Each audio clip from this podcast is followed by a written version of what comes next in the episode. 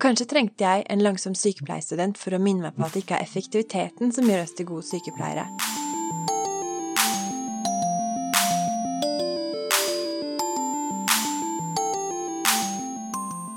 Hei, og velkommen til en ny episode av Sykepleiens podkast. I sin faste spalte Liv laga har sykepleier Liv Bjørnhaug Johansen denne gangen gjort seg noen tanker om tiden det tar å være en god sykepleier. Jeg ser på klokka. Det er 20 minutter igjen til brevet sitt, og fortsatt en god bunke med pasientpermer foran meg på medisintralla. Sykepleierstudenten min rusler inn til en ryggpasient med morgenmedisinene mens jeg forsøker, som god veileder, å la henne styre skuta men minuttene tikker, og jeg kjenner stresset begynner å bygge seg opp. Hvor lang tid kan det egentlig ta å gi en pasient to Paracet og en Tramadol?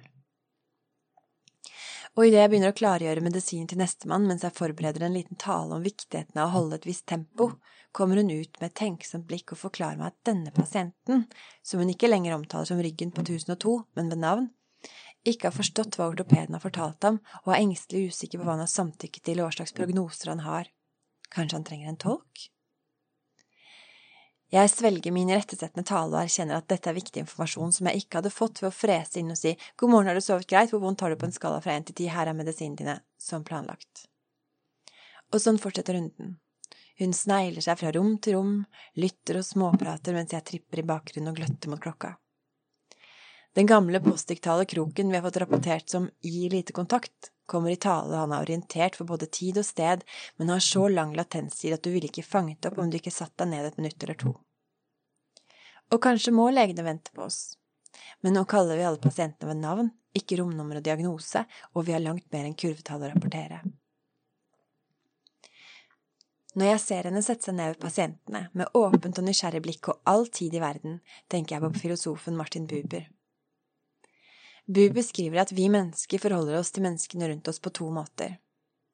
Vi kan gå inn i en jeg-det-relasjon eller en jeg-du-relasjon. Den første er preget at vi vil oppnå noe med relasjonen. Vi skal kjøpe et brød av damen bak disken, og hun blir aldri noe mer enn et det for oss. Motsatt vil vi, i en jeg-du-relasjon, åpne oss for den andre som et helt menneske som også kan virke tilbake på oss.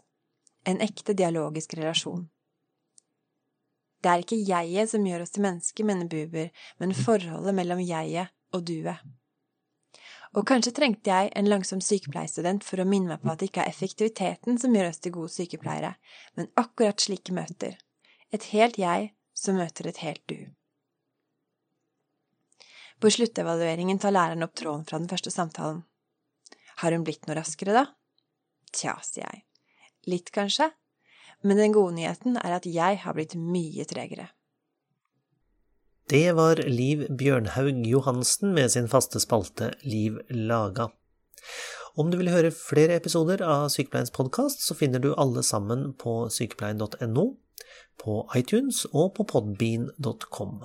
Om du bruker iTunes, så setter vi pris på en liten anmeldelse eller vurdering, og du kan også sende inn det du måtte ha av kommentarer og innspill til redaksjonen at sykepleien.no. Du når oss også via Sykepleiens Facebook-side eller vår Twitter-konto. Jeg heter Ingvald Bergsagel. Vi høres.